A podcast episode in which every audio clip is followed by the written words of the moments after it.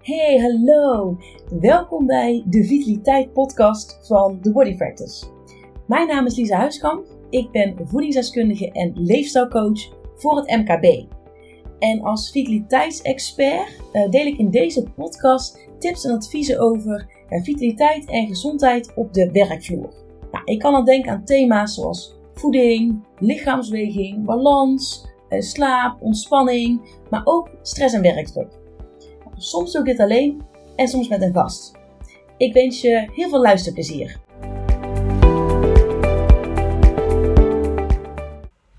Hey, vandaag is een ander soort aflevering dan je bent gewend van de Vitaliteit podcast.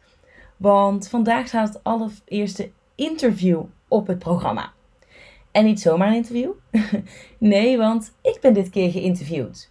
En ik ben geïnterviewd door Fleur van Hekken. Zij heeft ook een eigen podcast, uh, Missie in Mind. En in uh, haar podcast interviewt ze eigenlijk inspirerende gasten over hun dagelijkse missie en de impact die ze daarmee uh, willen maken. Nou, en vandaag hebben we het dus over mijn missie hè, als fideliteitsexpert en waar dat vuurtje in mij van aangaat. Echt, het was een onwijs leuk gesprek. En het eerste deel van het interview deel ik dus vandaag met jou. Nou, wat kun je nou verwachten? We gaan het onder andere hebben over je comfortzone en met name ook over daar uitstappen. Maar dus ook over dat vuurtje in mij, over de drie pijlers die de basis vormen voor mijn bedrijf, de Body Practice. En we eindigen deze eerste aflevering met darmgezondheid. Dus waarom jouw darmen je tweede brein worden genoemd. Nou, zonder daar nog meer uh, woorden aan vuil te maken, zou ik zeggen: Laten we lekker het interview induiken en ik wens je heel veel luisterplezier. Lisa Huiskamp heeft net als ik een eigen podcastkanaal genaamd de Vitaliteitspodcast en runt ook haar eigen bedrijf, de Body Practice. Ze is voedingsdeskundige, leefstijlcoach, vitaliteitsexpert en helpt met deze kennis MKB'ers. Lisa, van harte welkom bij Missie in Mind en uh, ik ga vandaag in gesprek met jou over een uh, aantal verschillende onderwerpen die raakvlak hebben met mindset, vitaliteit, lifestyle en uh, geluk. De vier pijlers van missie en mind, maar ook uh, een aantal van jouw, uh, ja, jouw bedrijf en jouw missie. En daarom des te leuker om ja, samen een podcast op te nemen. En we kennen elkaar van LinkedIn en zo zijn we met elkaar in contact gekomen. En nu bundelen we op dit moment even onze krachten om meer mensen te inspireren. Uh, welkom. Ja, dankjewel. Ja, lekker anno 2021, hè, dat je elkaar dan via social media kent, of in ieder geval online. en dat daar Zeker. staat. Dus uh, ja, helemaal leuk. Ja, um, zou je er misschien uh, heel kort uh, een klein beetje willen voorstellen? Want ik heb al een beetje een voorschotje gedaan, maar misschien kun je er nog wat aan toevoegen. Ja, zeker, tuurlijk. Uh, ja, ik ben dus Lisa Huiskamp. Ik ben inmiddels sinds uh, april 2017 zelfstandig ondernemer. Uh, en ik ben eigenlijk begonnen met, toen ik mijn bedrijf oprichtte als uh, ja, voedingsdeskundige en leefstijlcoach voor particulieren. En mhm. inmiddels um, heb ik me eigenlijk, ja, is dat een beetje verschoven naar um, de zakelijke markt, de business-to-business markt. En daar ben ik dus nu ja, vitaliteitsexpert voor. En uh, ja, behandel ik eigenlijk thema's die onder de, de paraplu van vitaliteit vallen.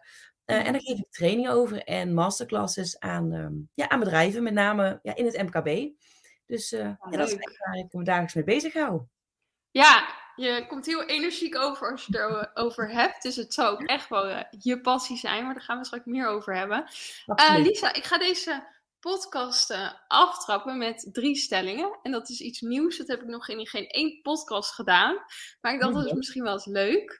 Um, en ze liggen heel dicht bij elkaar. Dus ik ben heel benieuwd wat jij als uh, ja, vitaliteitsexpert uh, kiest. Um, de eerste stelling: kiezen voor jezelf of een ander helpen? Ja. Um, kiezen voor jezelf. Toen ik ja? die twee zag, toen uh, in mijn natuur zit, mm -hmm. of in ieder geval vanuit, zou, zou ik eigenlijk zeggen een ander helpen. Maar ik weet dat uh, inmiddels kiezen voor jezelf het ja, belangrijkste is. En daar zit ook wel wat meer achter, want um, ja, je kan eigenlijk pas een ander helpen als je ook goed voor jezelf zorgt. En als je dus in eerste instantie jezelf op nummer 1 zet. En ik heb een keer een uh, metafoor ergens gehoord en die vond ik zo sprekend dat ik dacht, ja, dit legt ook precies uit uh, waarom het zo goed is om ja, toch jezelf op nummer 1 te zetten en in eerste instantie voor jezelf te kiezen. En in die metafoor daar hadden ze het over dat je eigenlijk jou, um, ja, jezelf met een vaas kan vergelijken. En op het moment dat jij dus niet je eigen vaas vult en je hebt bijvoorbeeld maar alleen een, ja, een bodempje uh, in die vaas zitten aan water. En je ja. wilt dan mensen gaan helpen om in jouw omgeving en die anderen eigenlijk water geven als het ware. Dan moet je mm -hmm. natuurlijk als vaas heel erg omhellen. Dan moet je natuurlijk heel, ja. Heel ver ombuigen om een ander ook van water te kunnen voorzien. En dan is de kans heel groot dat je als vaas natuurlijk omvalt en kapot gaat. Ja. En op het moment dat jij dus eerst zorgt dat jouw eigen vaas is gevuld, dus goed voor jezelf zorgt op allerlei vlakken, of dat nou voeding is, of hè, zorgen voor voldoende ontspanning, tijd voor jezelf nemen, uh, en jouw eigen vaas volledig is gevuld, ja. en het huis zelfs overstroomt met water, kun je op die manier -hmm. natuurlijk veel makkelijker anderen helpen. En ja, heb je daar uiteindelijk zelf meer aan, maar die ander ook, want jij hebt veel meer te geven als jij jezelf nummer één zet. Mooi. Jeetje. Ja. Dat is een heel mooi metafoor inderdaad om het hiervoor te gebruiken. Ja, ik denk zelf inderdaad ja. ook wel dat je, ja, als je jezelf goed voelt en goed voor jezelf kan zorgen, dat dat uiteindelijk ook weer zijn krachten en uh, uitoefent op iemand anders in positieve zin. Um, ja. En dat als jij je wat minder voelt, dat je dat ook uitstraalt en dat die ander dat ook voelt. En daardoor ook niet echt geholpen wordt uh, op, op dat vlak. Nee, en je kan niet alleen maar blijven geven aan een ander als je niet ook voor jezelf zorgt. Want uiteindelijk ja, loop je zelf dan ook leeg. En ja, kom je, word je alleen maar heel erg met jezelf geconfronteerd. Dus vandaar dat ik in dit geval, nou eigenlijk sowieso zeggen, kies voor jezelf. En dat heeft niks te maken met, ja, met egoïsme. Zeker niet als je natuurlijk dat metafoor van net uh, nee. in je achterhoofd houdt. Maar ja, is het gewoon heel belangrijk. Want je kan pas geven aan een ander als je goed voor jezelf zorgt. Mooi. Ik denk dat uh, mensen heel erg wat aan deze metafoor gaan hebben. En dit, uh, ja, dat het wel waardevol is. En dan tweede stelling. Gezondheid of mindset? Ja. Um, eigenlijk kun je, kan ik dat niet echt los van elkaar zien. Oké. Okay. Ik, um, dat komt namelijk omdat, zeg maar, zoals ik er naar kijk, mm. is gezondheid deels een gevolg van je mindset, ja. maar eigenlijk ook andersom. Ja. Um, en dit voelt een beetje als een soort van het kip-ei verhaal, want wat is er dan eerst? Uh, ja. Maar ik geloof gewoon heel wel dat het een niet zonder het ander kan. En dat heeft ook wel een beetje te maken met mijn eigen persoonlijke ervaring. Mm -hmm. um, dat ik eerder dan bijvoorbeeld heel bewust bezig was met gezond eten, uh, voldoende bewegen, um, om een bepaald fysiek hè, um, na te schreven. Maar ja. mijn mindset had ik op dat moment echt nog niet op orde. Zeg maar de manier waarop ik over mezelf dacht, uh, hoe ik tegen mezelf praatte, hè, met de gedachten die ik had. En vervolgens kon ik dus wel allemaal wel proberen om zeg maar volledig gezond te zijn, maar kon ik niet mijn optimale gezondheid behalen, omdat het met mijn mindset nog niet helemaal goed zat. Nee. En ik geloof ook dat vanuit de juiste mindset uh, ja, gezondheid ook wel volgt. Want als jij op een liefdevolle manier tegen jezelf praat, als je jezelf de moeite waard vindt, dan wil je ook goed voor jezelf zorgen. En dan zul je uiteindelijk ook goed voor jezelf gaan zorgen. Dus ik zou het, ja, ik kan het eigenlijk gewoon niet los van elkaar zien. Nee, het een heeft gewoon in het, in het, ja, invloed op het ander. Ja. Uh, het haakt gewoon eigenlijk als puzzelstuk in elkaar, uh, ja, in elkaar. Ja. Um, de puzzelstukjes moeten wel bij elkaar aansluiten. En als het niet aansluit met elkaar, denk ik ook niet dat het, dat het elkaar um, stimuleert en helpt. En dat als je uh, je mindset niet helemaal uh, leert met een goede relatie tot gezond eten. Um, en dat je, nou ja, dan voel je je misschien wel, hé, uh, hey, ik ben slank, ik ben fit, ik zie er fit uit. Maar dan hoeft het niet zo te zijn dat het inderdaad ook zo is in je hoofd. Uh, en dat dat beeld samen klopt met elkaar. Ja. Het is gewoon uh, zo belangrijk ehm, ja, ik voel mezelf ook beter als ik lief tegen mezelf praat en een uh, liefdevol naar mezelf kijk en dat, dat mm. vervolgens ook afstem op mijn fysieke en, en mijn gezondheid. ja. Ehm, ja. helemaal goed. Onzekerheid of zekerheid? Um, En daar bedoel ik mee um, zekerheid met uh, uh, dat je bijvoorbeeld een vaste baan hebt, of onzekerheid met ondernemen. Ja, ik vroeg me namelijk al af in welke context. Ja, in um, deze context. Ja, precies, dankjewel. Ik denk hoor. Nou ja, ja, in dit geval denk ik dat ik toch voor onzekerheid zou kiezen, omdat ik natuurlijk onderneemster of ondernemer ben. en ik dus best wel met een mate van onzekerheid te maken heb. Zeker ja. gezien de tijd waar we nu uitkomen. Maar ik zie die uh, onzekerheid, ik zie dat niet als iets negatiefs. Nee. En ik merk ook best wel een verschil als ik bijvoorbeeld kijk naar mensen in mijn omgeving, die dus wel inderdaad in uh, loondienst zijn. En die dus een bepaalde mate van zekerheid ervaren, omdat er gewoon elke maand een salaris uh, op hun rekening wordt gestort. En dat maakt dan niet uit of, het, of ze goede tijden hebben, slechte tijden, of ze uh, ziek zijn of niet. En nee. zij ervaren dat als heel prettig en zien dat dus ook die onzekerheid die ik dan ervaar, zien zij als vrij negatief. Terwijl ja. ik juist die onzekerheid associeer met vrijheid en volledig mijn ja, mijn eigen passie kunnen leven en het volledig kunnen aanpakken zoals ik wil. En al de tijd en energie die ik erin stop, krijg ik er ook uit. En als ik harder ga rennen, haal ik ook meer resultaat dan wanneer ik uh, dat minder doe. Dus ja, ik zou denk ik toch kiezen voor onzekerheid. Als je dat dus linkt aan ja, zelfstandig ondernemer zijn en ja, gewoon het helemaal kunnen invullen en vorm aan kunnen geven zoals jij dat zelf wil. Ja, ja, ik snap het wel. Ja, dat gezegd hebben, wil natuurlijk niet zeggen dat iemand die in loondienst is, bijvoorbeeld niet zijn passie kan leven hè, en niet bepaalde vrijheden heeft. Maar ja, het is natuurlijk wel gewoon net even iets anders.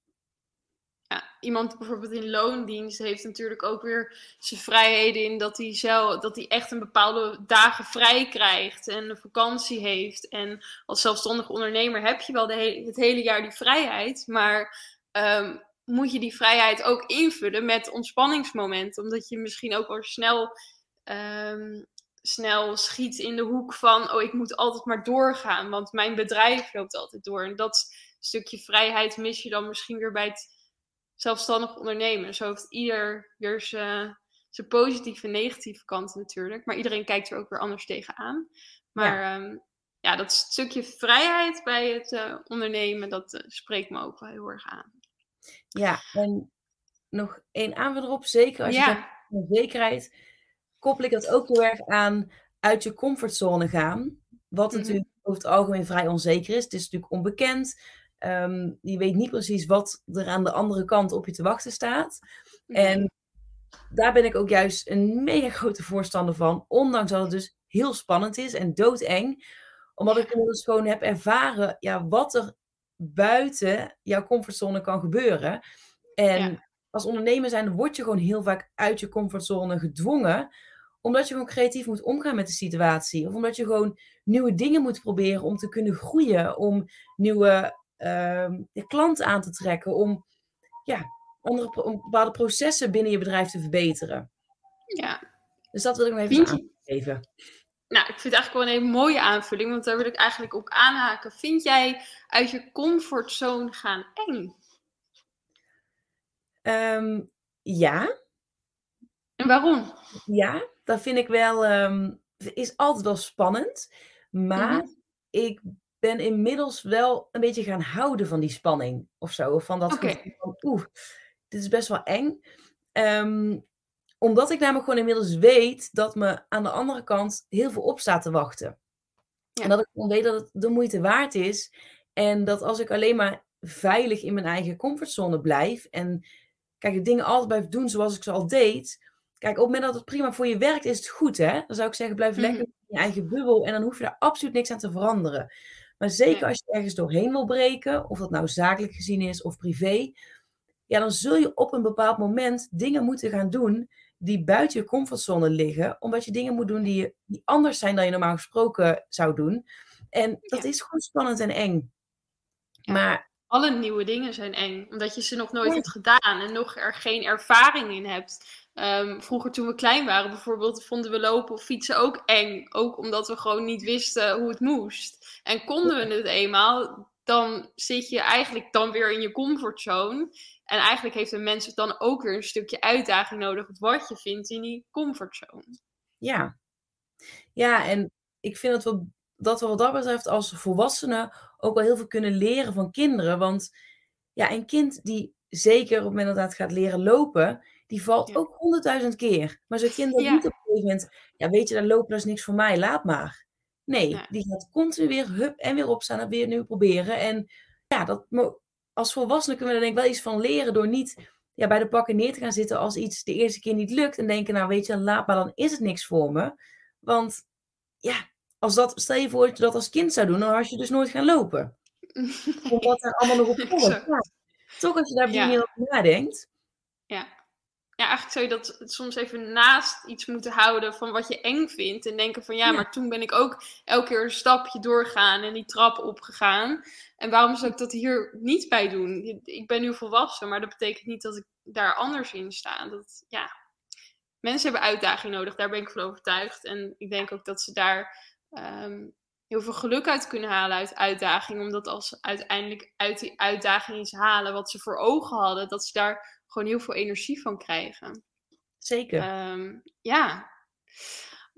En um, toen, we, toen, toen, we, toen ik eigenlijk op je site aan het kijken was, ik was gewoon een beetje aan het kijken wat je allemaal deed en wie je was en um, wat meer achtergrondinformatie, kwam ik eigenlijk bij het feit dat ik las, ik wist al vrij snel, het vuurtje in mij wordt aangewakkerd door iets anders. En dat zinnetje triggerde me eigenlijk een beetje. Wat zit erachter? Ja, ja dat heeft net te maken met um, toen ik mijn eerste studie uh, deed, daarmee bezig was. Dat was toerisme. En eigenlijk tijdens die studie ontdekte ik dus van ja, verrek, dit, dit is het niet, maar het vuurtje in mij wordt wel door iets anders aangewakkerd. Uh, en dat heb ik dus, dat vuurtje um, is eigenlijk ontstaan doordat ik privé me ging interesseren in voeding en leefstijl. En op een gegeven moment daar ook anderen bij kon gaan helpen. Omdat ik me daar op persoonlijk vlak heel erg in interesseerde. En toen realiseerde ik me ineens, ik vind het zo tof om te doen. Dat ik anderen kan inspireren, kan, ja, kan verder helpen, kan coachen. En daar ontstond, ja, daar ontstond echt dat vuurtje van, wauw, dit is zo tof. Hier wil ik op professioneel vlak ook iets mee. En door de jaren heen heeft zich dat steeds verder ontwikkeld.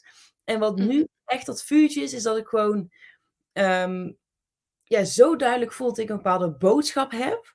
En die boodschap is dat ik gewoon uh, jou wil laten zien.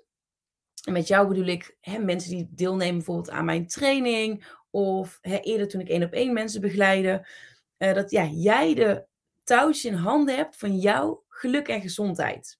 Ja. En dat je eigenlijk alles al in je hebt om gewoon gezond en fit en vitaal, uh, energiek, maar met name ook gelukkig te zijn. Ja. En ja, dat zorgt er eigenlijk, dat, dat vuurtje in mij zorgt ervoor dat ik elke dag weer wakker word en denk, yes, let's go, we gaan er weer tegenaan. En ja, ik mag mensen weer inspireren. Mooi. Ja, dat, nu is het vuurtje voor mij duidelijk en voor de luisteraars natuurlijk ook. Um, en je zegt, uh, ik, ik, besteed tijd aan, uh, aan, aan mensen die ik ook coach en die mij volgen aan gezondheid, geluk, dus vitaliteit. Um, maar je besteedt ook uh, aandacht aan drie verschillende pijlers, um, die eigenlijk dus ook continu in verbinding staan met elkaar. Um, volgens mij waren dat lichaamsbeweging, voeding en balans. Ja, klopt. en vanaf nu gaan we een aantal onderwerpen. Uh, we hebben wat meer achtergrondinformatie over jou. Het is wel leuk altijd voor de luisteraar om je een beetje te leren kennen. Um, maar nu gaan we wat, wat dieper in op uh, die drie verschillende lagen.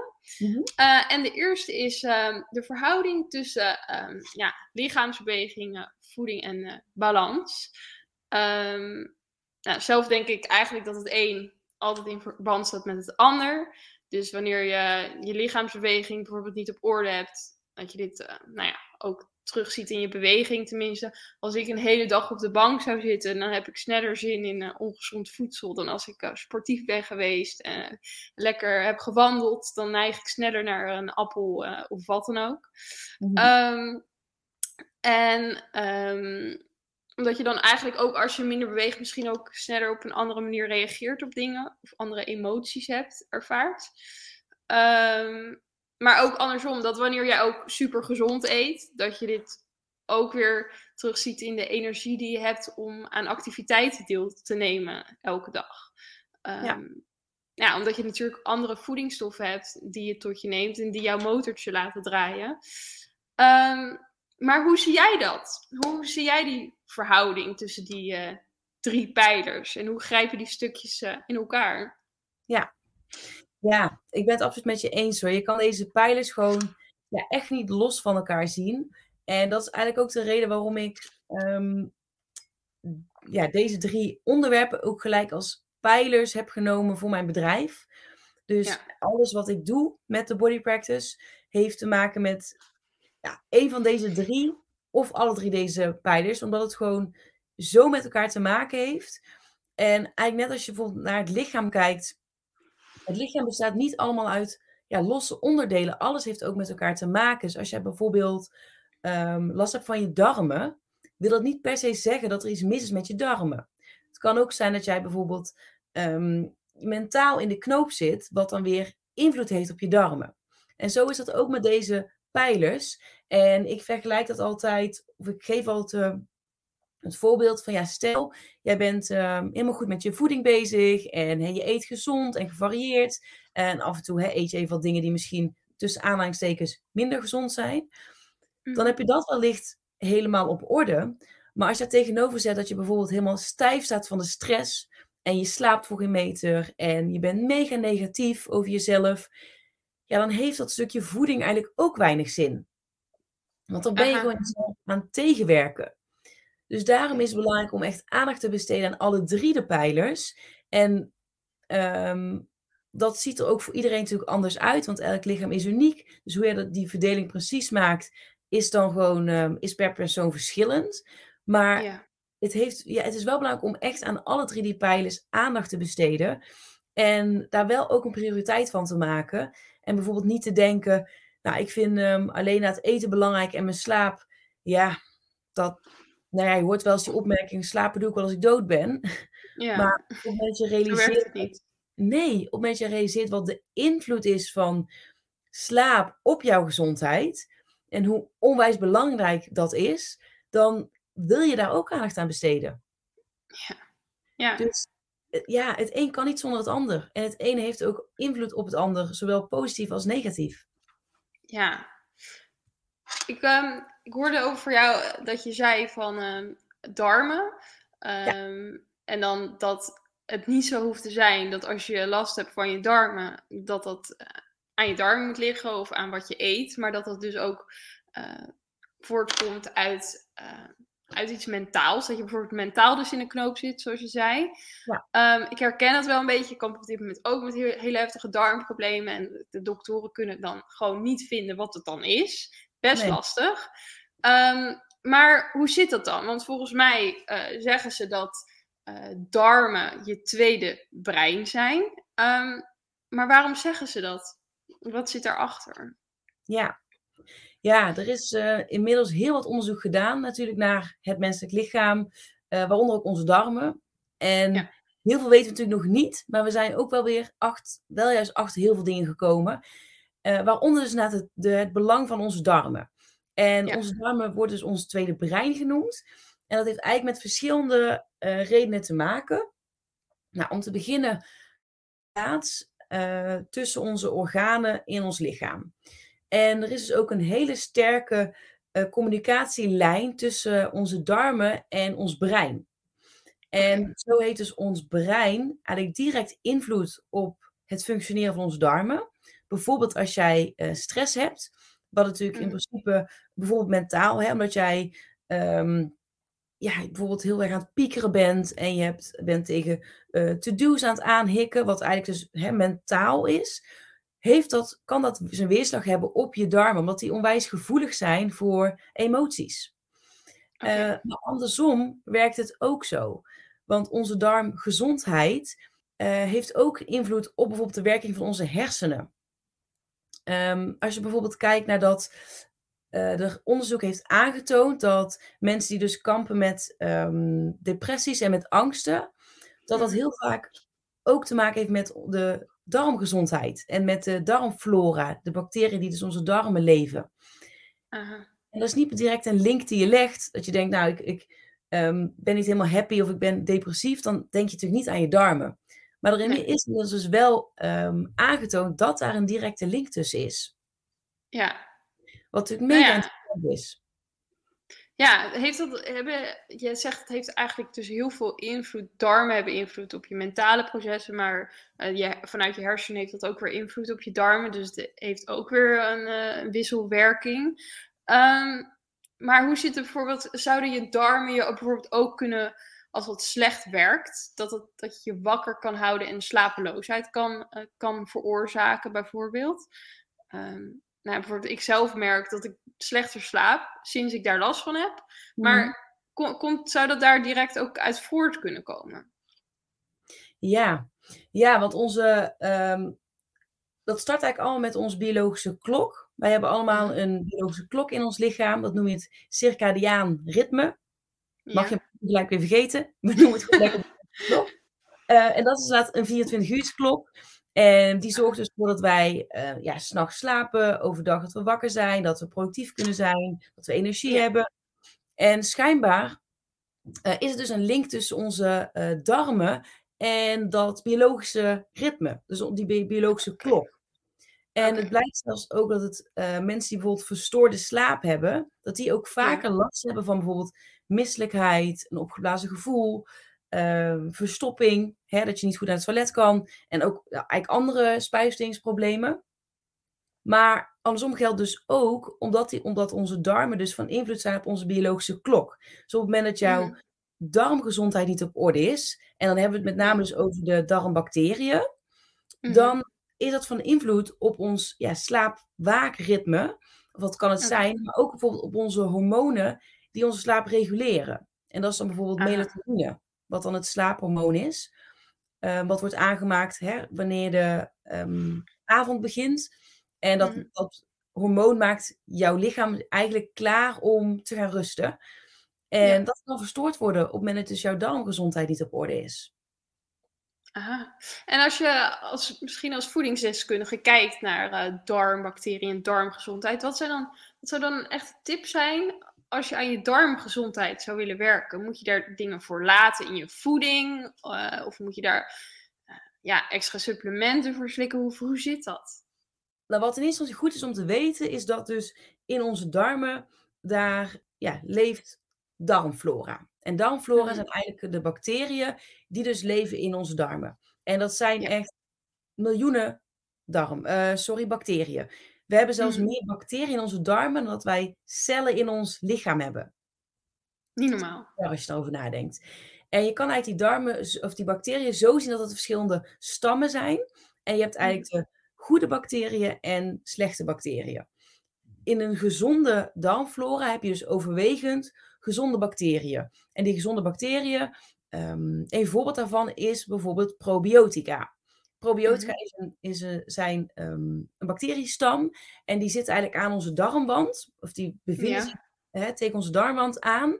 En wat ze daar eigenlijk doen, is ze zorgen ervoor dat er dus geen indringers uh, ja, onze bloedbaan in kunnen gaan.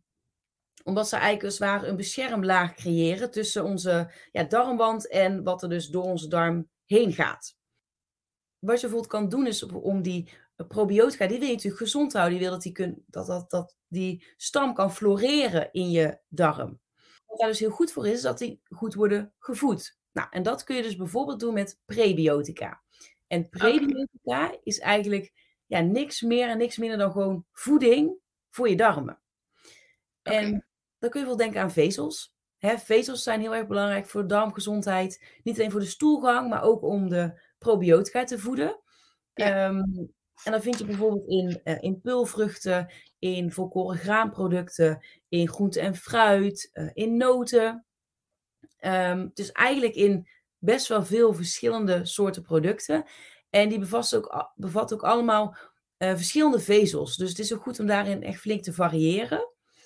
Dus dat is, als je naar voeding kijkt, is het ook goed om te letten op bijvoorbeeld gefermenteerde producten, zoals yoghurt en augurken, want die zijn ook eigenlijk een prebiotica.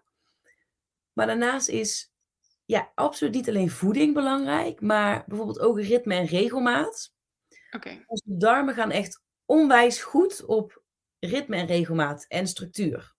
Dat kun je bijvoorbeeld wel eens merken als jij, um, stel je gaat op vakantie en je gaat naar een andere tijdzone, dus je hebt wat, uh, je hebt um, uurverschil, tijdsverschil.